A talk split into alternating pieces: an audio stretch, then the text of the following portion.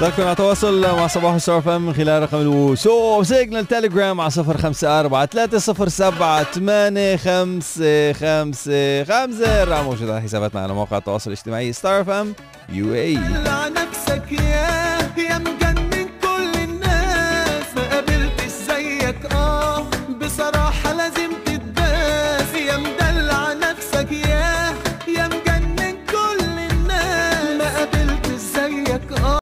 كشف مركز النقل المتكامل التابع لدائرة البلديات والنقل عن أنه 74% من أسطول سيارات الأجرة في إمارة أبو ظبي صديق للبيئة معتمدا على سيارات الأجرة الهايبرد الهجينة الصديقة للبيئة والمركبات التي تعمل بالغاز الطبيعي.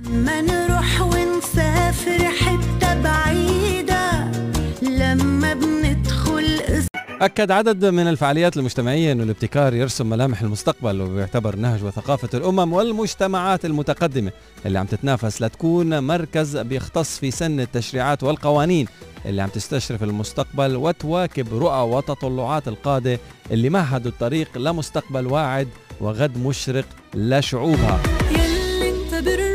وهذه هي الإمارات يا سادة. خد معك حزاني واتركني بلا روح.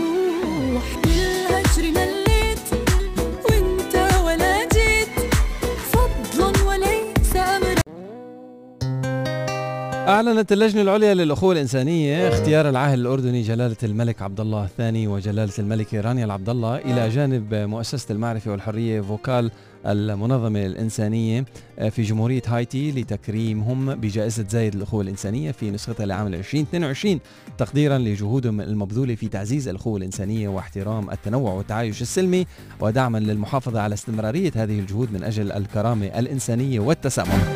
تعنى الجائزة بالاحتفاء بجهود الأفراد والكيانات المبادرة إلى تقديم إسهامات جليلة في سبيل الارتقاء بالإنسانية وتعزيز التعايش السلمي. كانت الجائزة قد أطلق- أطلقت آه، لما تم إطلاقها استلهمت من وثيقة الأخوة الإنسانية اللي وقعها فضيلة الإمام الأكبر الأستاذ الدكتور أحمد الطيب شيخ الأزهر الشريف وقداسة البابا فرانسيس بابا الكنيسة الكاثوليكية في أبو ظبي في عام 2019 تحت رعاية صاحب السمو الشيخ محمد بن زايد آل نهيان ولي عهد أبو ظبي نائب القائد الأعلى للقوات المسلحة. وتمثل الوثيقة حجر الأساس الذي تقوم عليه الجائزة باعتبارها مرجعية أخلاقية عالمية لتعزيز الروابط الإنسانية والقيم الدينية. ودستورا يعمل به من أجل تحقيق السلام والحوار والتعددية. وكرامة الإنسان فضلا عن كونها دليل ملهم للأجيال القادمة. يرشدهم نحو سبل تعزيز التعايش وتقبل الآخر. يا راكبا في رحلة الحياة لا تظن أنها قصيرة. القيمة الإجمالية للتجارة الخارجية غير النفطية لدولة الإمارات العربية المتحدة في عام 2021 نحو 1.9 تريليون درهم بنمو نسبته 27% مقارنة مع عام 2020 وبنسبة 11% مقارنة بعام 2019 حيث شمل النمو جميع مكونات التجارة بما فيها التصدير والاستيراد وإعادة التصدير كما شهدت أرقام التجارة الخارجية غير النفطية على المستوى المحلي لجميع إمارات الدولة زيادة بنسب متفاوتة الأمر اللي بيعكس النمو الشامل اللي حققته تجارة الدولة. نظمت جمعية الإمارات للأمراض النادرة امبارح مراسم افتتاح بوابة إكسبو 2020 دبي بمناسبة اليوم العالمي للأمراض النادرة 2022 ولتسليط الضوء على الأمراض النادرة والعائلات والمرضى اللي بيعانوا تلك الحالات النادرة في جميع أنحاء الدولة دولة الإمارات العربية المتحدة. ومن خلال العروض الحية والترفيهية ونظمت الجمعية كذلك فعاليات عائلية في قبة الوصل وقادت مسيرة أكسبو اليومية. تضامنا مع 400 مليون مصاب بمرض نادر حول العالم. انت بتهزري مش حسيبك لا. راحوا استضاف متحف المستقبل بدبي امبارح. Yes actually no أول امبارح يوم السبت. آه آه اليكس كيبمان ال- آه، الزميل التقني اللي هو technical fellow ورئي نائب رئيس شركة مايكروسوفت لتقنيات الذكاء الاصطناعي والواقع المختلط في الجلسة الثالثة من سلسلة حوارات المستقبل اللي حملت عنوان الواقع المختلط والمختلط والميتافيرس وناقش فيها التطبيقات الحديثة لهذه ال technologies واللي بتخلق واقع جديد بيدمج ما بين البيئتين الواقعية والافتراضية. وبيتيح للمستخدم التعامل معهم في الواقع أو في الوقت نفسه. آه، كيبمان بدأ وهو زميل تقني لتقنيات الذكاء الاصطناعي والواقع المختلط بمجموعة Cloud and AI Group بشركة مايكروسوفت. بدأ جلسته بالإعراب عن إعجابه بدولة الإمارات وتجربتها الرائدة قائلا هذه زيارتي الأولى إلى دولة الإمارات وأنا معجب فعلا برؤيتها ومستوى الإصرار لديها على تطوير الأفكار والرؤى وتحويلها إلى واقع. وهذا يظهر جليا من خلال التقدم الذي تحقق خلال جيلين فقط. وتابع كيب كيبمان بيقول أن التكنولوجيا هي الأداة التي تحولنا إلى كائنات فائقة القوة وتعطينا القدرة على تجاوز المكان والزمن وهذا هو الهدف الحقيقي من وجوده. وهو تجاوز قيود الزمان والمكان. والميتافيرس بيحقق ذلك لأن آه، بيحقق ذلك لنا. لأنه يسمح للبشر بنقل تحديات وحوارات وحياتهم الحالية من خلال التجارب الغامرة إلى واقع وزمان مختلفين تماما. وأضاف كيبمان وهو المخترع الرئيسي لأكثر من 100 براءة اختراع منذ انضمامه لمايكروسوفت سنة 2001 الواقع المختلط يمثل رؤيتي للمستقبل واللي راح يكون خلاله العالم كاملا. منصة للإنسانية تختفي فيه التكنولوجيا كما نعرفها اليوم وتصير جزء مندمج بالواقع المحيط بنا. أشار كيبمان إلى أنه الواقع بالنسبة للبشر اليوم مؤلف من ثلاثة عناصر رئيسية هن الناس والأماكن والأشياء. مضيفا وجود الناس والأشياء دون حيز مكاني هو الميتافيرس فهو بيوفر حيز يجمع الأشخاص والأشياء بصرف النظر عن أماكن وجودهم الله الله! music to my ears اقرأوا هذا الخبر بصفحات الاتحاد آه، اليوم بعنوان actually مش لليوم للتاريخ 27 آه، بعنوان نائب آه، رئيس مايكروسوفت يستعرض في متحف المستقبل قوة وتأثير التكنولوجي. Technology Today. الجديد في عالم التكنولوجيا لليوم انفيديا تخترق مخترقيها وتضربهم بهجوم الفدية genius هواوي تطلق جهاز ال MateStation X all in 1 وشاشة ال Mate Pad Paper في ال MWC 2022 وجهاز ال MateBook X Pro الجديد من هواوي بضم ست مكبرات صوتية كمان من ال MWC براءة اختراع جديدة من ابل تكشف عن لوحة مفاتيح بها جهاز ماك مدمج. genius love it amazing يا ريت. منصة تويتر تتيح لجميع المستخدمين إضافة تحذيرات المحتوى مرة واحدة. انخفاض حصة ميديا تك بشكل حاد في الربع الرابع لعام 2021 مع ارتفاع حصة كوالكوم مم. وأخيرا ابل قد تستمر هذا العام في دعم سلسلة الايفون 14 بنتوء للكاميرا Technology Today.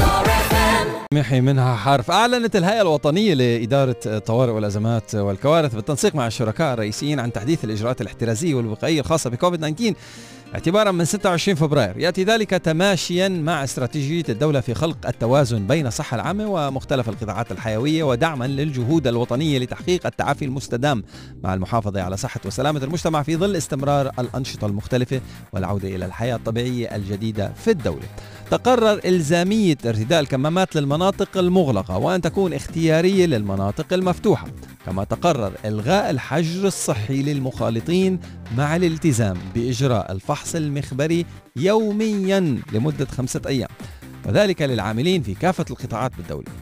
تؤكد الهيئة على الاستمرار بالعمل على بروتوكول العزل الصحي للمصابين كما هو معلن عنه سابقا دون أي تغيير مع إلغاء ارتداء إسوارة للمصابين. وللمستوى المحلي في كل إمارة المرونة في تحديد القطاعات والمهن ومدة الحجر للمخالطين والفحوص حسب القطاعات الحيوية بالدولة مع ضرورة اتباع الإجراءات الاحترازية والوقائية والتي بتشمل التقيد بالتباعد الجسدي ولبس الكمامة طوال الوقت. كما أقرت الهيئة عودة الفاصل الزمني بين الأذان والإقامة إلى سابق عهده لما قبل الجائحة بالإضافة إلى عودة المصاحف إلى المساجد بع- بعدد محدود وبشرط التعقيم بعد كل صلاة. كما سيتم الإبقاء على مسافة المتر الواحد بين المصلين في المساجد ودور العبادة وارتداء الكمامة.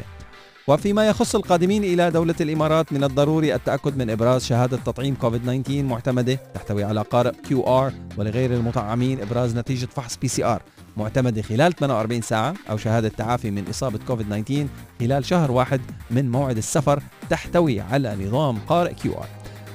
كما توصي الهيئة بضرورة اتباع متطلبات الفحوص والتطعيم للدول والوجهات المراد السفر إليها من دولة الإمارات. وأكدت الهيئة الوطنية لإدارة الطوارئ والأزمات والكوارث الاستمرار بالعمل في القرار الصادر سابقا بضرورة إبراز نظام المرور الأخضر على تطبيق الحصن أو بإبراز نتيجة فحص PCR سلبية. ما بتزيد مدتها عن 96 ساعة لحضور كافة الفعاليات والمعارض والأنشطة والمناسبات الثقافية والاجتماعية. أما فيما يخص القطاعات الاقتصادية والسياحية فقد تقرر إلغاء التباعد الجسدي مع إلزامية إرتداء الكمامات في الأماكن المغلقة. وأعلنت الهي- الهيئة عودة كافة الأنشطة الرياضية لكافة الفئات العمرية مع إلزام الجمهور بإبراز المرور الأخضر أو الفحص المسبق PCR على ألا يتجاوز ال 96 ساعة بالإضافة إلى الالتزام بلبس الكمامات في الأماكن المغلقة والمفتوحة نظرا لحجم التجمع في الفعاليات الرياضية. كمان اعتمدت لجنة إدارة الطوارئ والأزمات والكوارث في أبو ظبي إلغاء إلزامية إبراز المرور الأخضر وفحص دي إي لدخول الإمارة من داخل الدولة بحسب ما جاء على الحساب الرسمي للمكتب الإعلامي لحكومة أبو ظبي على موقع تويتر. وأضاف الحساب أن هذا الإجراء سيعمل به اعتبارا من اليوم الاثنين 28 فبراير مع استمرارية العمل بنظام المرور الأخضر للدخول للأماكن العامة في الإمارة.